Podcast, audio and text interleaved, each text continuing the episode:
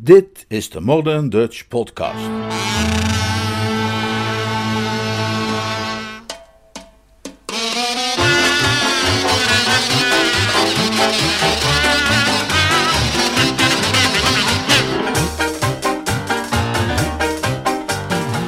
Geluk in de morgen. Een splinternieuwe vertaling van Joy in the Morning. Een Jeeves-roman van P.G. Woodhouse. Vertaald en voorgelezen door Leonard Beuger.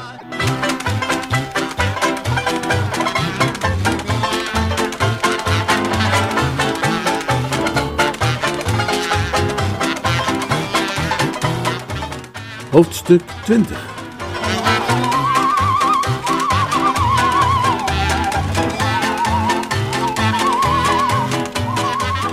Ik genoot die nacht een uiterst onrustige slaap. Gekweld als ik werd door dromen over oom Percy die mij achterna zat met zijn rijzweepje. Toen ik de volgende ochtend wakker werd, ontdekte ik dat, hoewel mijn hart bedrukt voelde als onder een lodenlast, de weersomstandigheden absoluut van eerste kwaliteit waren. De zon scheen, de lucht was blauw en in de bomen voor mijn raam detecteerde het oor het getjilp van een bende of kluft van het lokale gevogelte. Maar hoewel de ganse natuur mij toelachte, was er, zoals ik al heb aangegeven, bij Bertram geen enkele neiging om mee te lachen.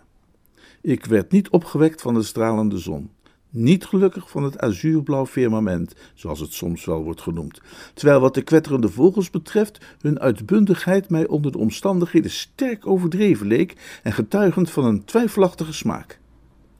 Geconfronteerd met het soort beproeving waarmee ik werd geconfronteerd, is er maar weinig voldoening te halen uit de constatering dat je er mooi weer bij hebt. Mijn horloge liet zien dat het tijdstip aanzienlijk minder gevorderd was dan voor mij gebruikelijk om de lakens van mij af te werpen. En wanneer mijn ziel minder zwaar belast was geweest, had ik mij wellicht nog eens omgedraaid voor een verdere minuut of veertig. Maar het besef van welke duistere daden diende te worden gedaan alleer de zon deze dag zou ondergaan, of liever alleer de lunch deze middag zou worden gegeten, maakte verder slapen onmogelijk. Ik stond dus op, zamelde spons en handdoek bijeen en stond op het punt naar de badkamer te gaan voor het rituele reinigen van de torso, toen mijn aandacht werd getrokken door een stuk papier dat onder de deur doorstak. Ik pakte het op en ontdekte dat het de teksten waren die Boko de vorige avond voor mij had zitten componeren. De paar dingen die hij, zoals je je zult herinneren, wilde dat ik tegen oom Percy zei. En terwijl mijn oog langs de regels gleed, begon de transpiratie op mijn voorhoofd te parelen en zonk ik geschokt achterover op het bed. Het was alsof ik een slang had opgeraapt.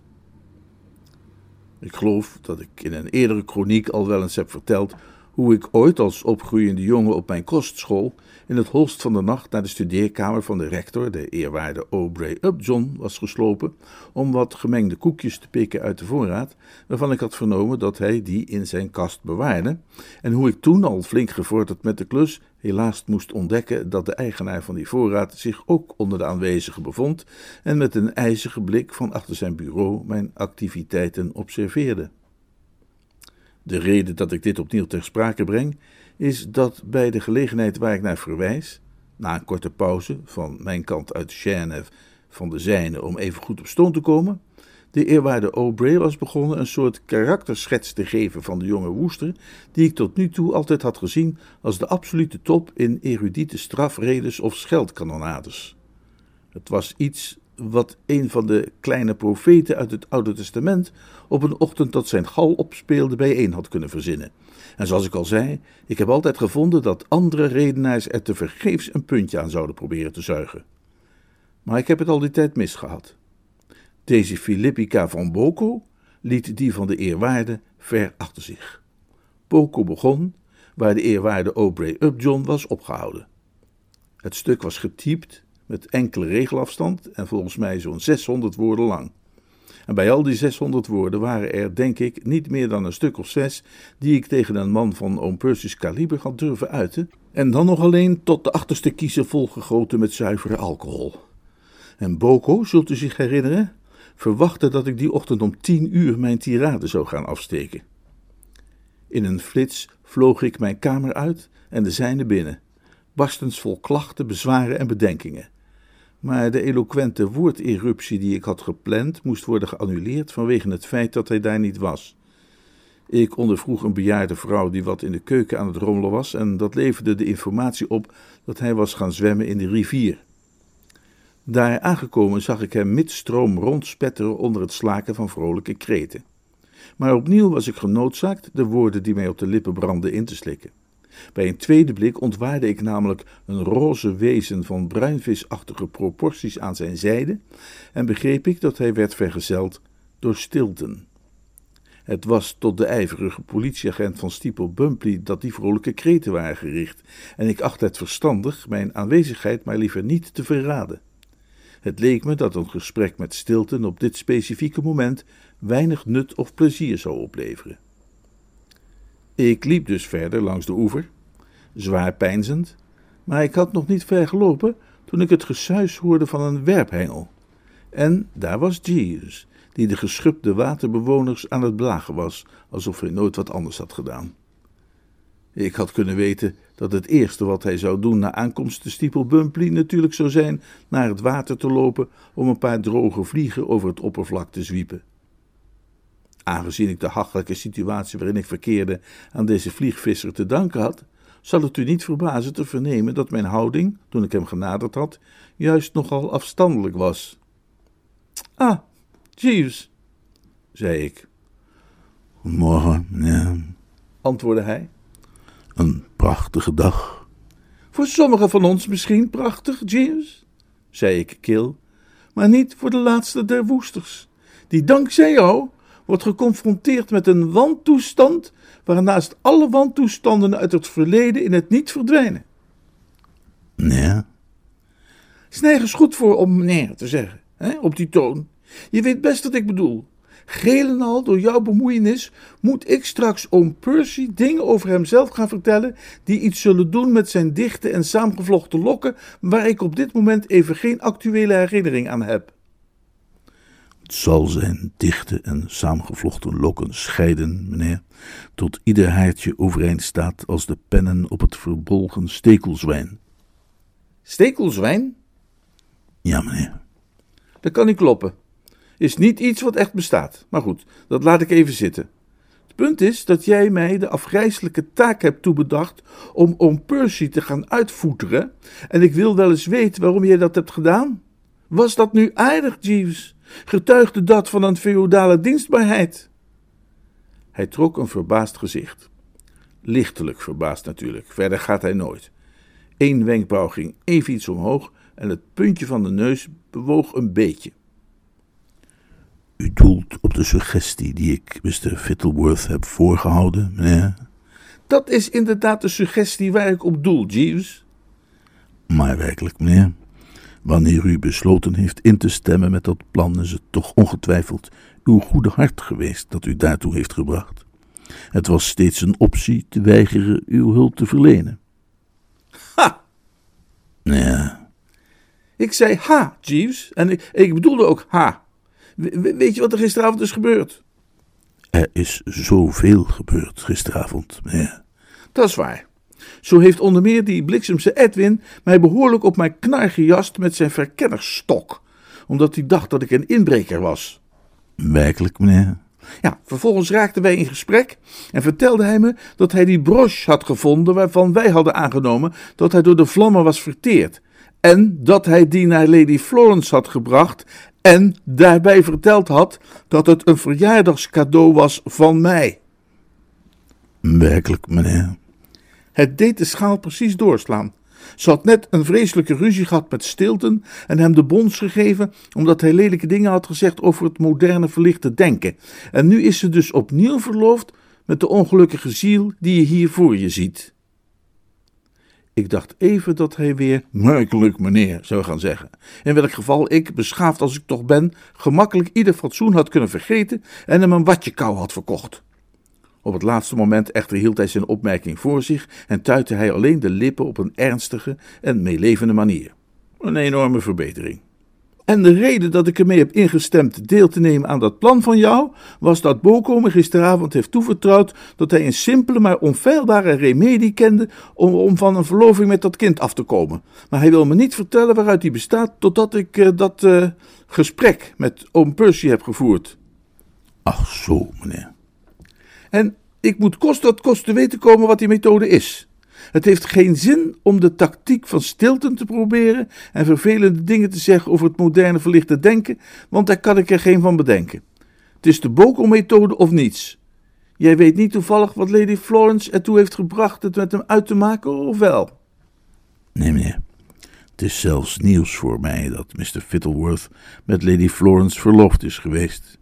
Oh ja, hij is met haar verloofd geweest, nou en of. Post Woester, maar pre-Stilton. Maar er is toen iets gepasseerd, het een of ander pijnlijk misverstand geloof ik, en hun relatie werd onmiddellijk verbroken. Als bij toverslag, zei hij. Ik heb begrepen dat het kwam door iets wat hij had gedaan. Maar wat zou dat hebben kunnen zijn? Ik vrees dat ik op dat punt geen enkele presumptie durf wagen, meneer. Zou u het op prijs stellen wanneer ik daaromtrent inlichtingen zou trachten in te winnen bij het huishoudelijk personeel van de hall? Dat is een uitstekend idee, Jeeves. Het is zeker mogelijk dat iemand binnen die categorie op de hoogte is van de feiten. Hij is ongetwijfeld dagenlang het onderwerp van gesprek geweest in de huishoudsterskamer. Ondervraag de butler, verhoor de kok. Uitstekend, meneer. Of probeer de kamenier van Lady Florence. Er is vast wel iemand die het weet. Er is niet veel waar het huishoudelijk personeel niet van op de hoogte is. Inderdaad, meneer. Zij zijn doorgaans goed geïnformeerd. En denk eraan dat haast is geboden. Als je mij die informatie kunt bezorgen voor mijn gesprek met oom Percy, dat wil zeggen voor tien uur morgenochtend, want dan staat de aftrap op het programma, kan ik er nog onderuit hem te moeten gaan uitvoeteren. Want ik durf je wel te vertellen dat bij de gedachte daaraan de rillingen me nu al over de rug lopen. En wat betreft het liefdesgeluk van Boko en zijn hartelapje, ik ben er natuurlijk helemaal voor dat te bevorderen, maar volgens mij kan dat op andere en minder drastische manieren ook worden gedaan. Dus verlies geen tijd, Jeeves, met het instellen van die onderzoeken. Uitstekend, meneer. Zorg dat je vanaf half tien bij de poort staat van de hall aan het begin van de oprijlaan. Ben er ook tegen die tijd en verwacht dan je rapport. Probeer me niet in de steek te laten, Jeeves. Dit is het moment voor alle goede lieden om de onzen te hulp te snellen. Als ik je die lijst zou kunnen laten zien die Boko heeft opgesteld van de dingen die hij wil dat ik tegen oom Percy zeg. Ik heb hem uit mijn ontzenuwde vingers laten vallen en daarna op mijn kamer laten liggen, helaas. Dan zouden je dichte en saamgevlochten lokken scheiden als de wieder weerga, geloof me. Weet je trouwens zeker dat het stekelzwijn is? Ja, meneer. Hm, is heel vreemd. Maar ja, ik denk dat Shakespeare de helft van de tijd gewoon maar neerkladderde wat er in zijn hoofd opkwam. Daar ik op het moment dat ik erop uit was gevlogen voor overleg met Boko eigenlijk en route was geweest naar de badkamer, was ik uiteraard nog steeds gehuld in de gebruikelijke slaapkledij van de Engelse heer plus een kamerjas, en het duurde dus even voordat ik, teruggekeerd naar huis, in de eetkamer verscheen. Daar vond ik Boko, die zijn zachtgekookte eitje aan het verorberen was. Ik vroeg hem of hij wist wat een stekelzwijn was, maar hij wenste alle stekelzwijnen naar de hel en vroeg of ik die lijst met vervloekingsinstructies had ontvangen en zo ja, wat ik ervan vond.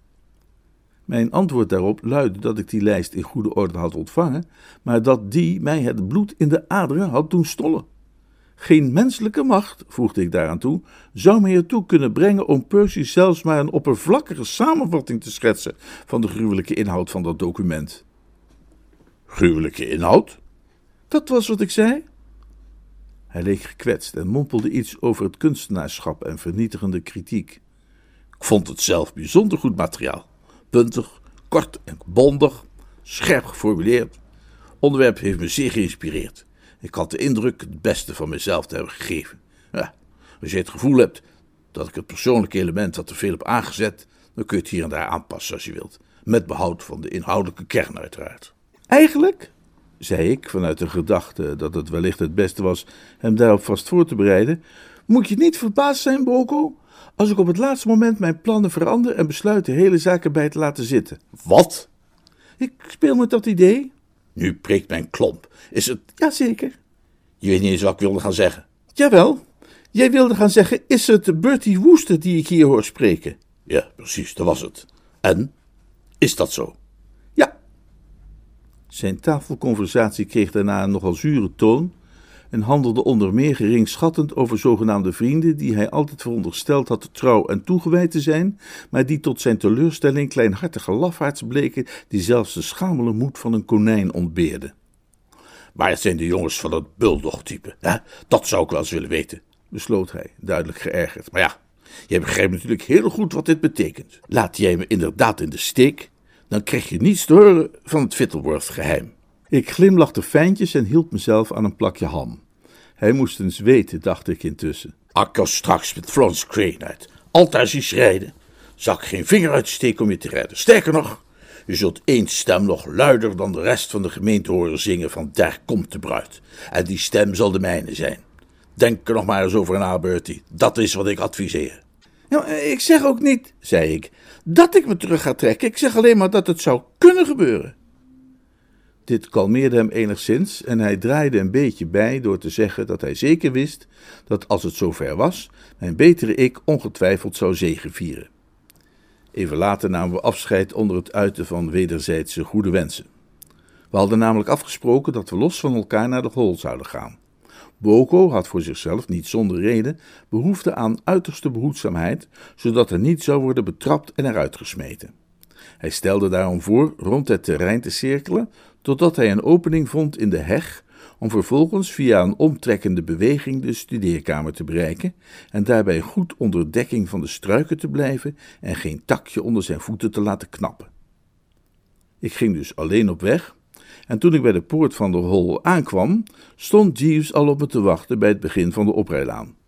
Een enkele blik op hem was voldoende om het duidelijk te maken dat de man goede berichten had. Ik kan het altijd zien. Hij glimlacht niet echt bij dat soort gelegenheden, want dat doet hij nooit, maar zijn lippen trillen een beetje in de hoeken en zijn blik is amabel. En, Jeeves? vroeg ik nieuwsgierig. Ik beschik thans over de gegevens die u nodig heeft, meneer. Je bent een geweldige vent. Je hebt met de butler gesproken en, de kok verhoord. Feitelijk heb ik de betreffende informatie kunnen inwinnen dankzij de jongen die de messen en laarzen schoonmaakt, meneer. Een uh, jonge knaap met de naam Herbert. Hoe is hij zo opeens onze speciale correspondent geworden? Het blijkt dat hij daadwerkelijk ooggetuige is geweest van het tafereel, meneer. Verscholen in het naburige struikgewas, waar hij genoten had van een heimelijke sigaret. Vanuit die gunstige positie kon hij het hele gebeuren observeren. En wat was dat dan? Vertel me alles, Jeeves, zonder ook maar het kleinste detail, hoe onbetekenend ook, weg te laten. Wel, meneer. Het eerste dat de aandacht van de jongen trok, was de nadering van de jonge heer Edwin. Ah, die heeft er dus mee te maken. Ja, meneer. Zijn rol is, zoals u zult zien, een belangrijke. De jonge heer Edwin, zo meldt Herbert, naderde door het kreupelhout, zijn blik op de grond gericht. Hij leek iets te zoeken. Sporen, dat kan niet missen. Spoorzoeken is een activiteit waar die padvinders ernstig aan verslaafd zijn. Dat heb ik ook begrepen, meneer. Zijn bewegingen, merkte Herbert op, werd met zusterlijke welwillendheid gadegeslagen door Lady Florence, die bloemen aan het snijden was in een aangrenzende border. Zij hield hem dus in de gaten? Ja, meneer. Tegelijkertijd kwam Mr. Fittleworth in beeld, die weer de jonge heer volgde. De spoorzoeker op het spoor? Ja, meneer. Herbert beschreef zijn manier van doen als scherp en doelgericht. Dat was althans de strekking van zijn woorden, hoewel de eigenlijke formulering anders luidde. Die jongens van de messen en laarzen drukken zich zelden behendig uit. Ja, dat is mij ook vaak opgevallen. Beroerde woordkeus. Maar ga door, Jeeves, je maakt me nieuwsgierig. Je zegt dat Boko Edwin achtervolgde. Waarom? Dat was wat Herbert zich ook schijnt te hebben afgevraagd, meneer. Hij was voor een raadsel geplaatst? Ja, meneer. Dat kan ik hem niet kwalijk nemen. Ik ben zelf ook voor een raadsel geplaatst. Ik snap natuurlijk dat de verwikkelingen steeds ondoorzichtiger worden, maar ik mag een boon zijn als ik begrijp waar dit naartoe gaat. Het duurde niet lang voordat Mr. Fittleworth motieven maar al te duidelijk werden, meneer. Toen de jonge heer Edwin de bloemborder naderde, versnelde hij plotseling zijn stappen. Edwin? Nee, meneer, Mr. Fittleworth. Hij liep met grote passen op de jonge heer af en gebruikmakend van het feit dat die vanwege het spoorzoeken juist een bukkende houding had aangenomen, gaf hij hem een krachtige trap. Jonge, jonge Jeeves! Zodat hij met een boog door de lucht vloog en voor de voeten van Lady Florence neerkwam. Milady was geschokt en kwaad en berispte Mr. Fittleworth fel. Zij eiste een onmiddellijke verklaring van deze moedwillige aanval. Mr. Fittleworth probeerde zijn actie te rechtvaardigen door de jongeheer Edwin ervan te beschuldigen met zijn elektrische eierkoker te hebben geknoeid, waardoor het mechanisme dusdanig was ontwricht dat een vers gelegd ei van zijn plek was gevlogen en hem op de punt van de neus had getroffen. Milady wenste die verklaring evenwel niet te accepteren als excuus voor wat er was gebeurd en kondigde kort daarna aan hun verloving te beëindigen. Ik haalde diep adem. De schellen waren mij van de ogen gevallen. Ik doorzag alles. Dus dat was de Fittleworth-remedie. De kleine Edwin een schop te verkopen. Geen wonder dat Boko over zijn methode had gesproken als eenvoudig en doeltreffend. Het enige wat je nodig had was een goede stevige schoen en de liefde van een zus. Ik hoorde Jeeves kuchen. Als u een blik naar links wilt werpen, meneer, zei hij, zult u zien dat de jonge Edwin zojuist de oprijlaan heeft betreden en zich buigt over een object op de grond dat zijn aandacht lijkt te hebben getrokken.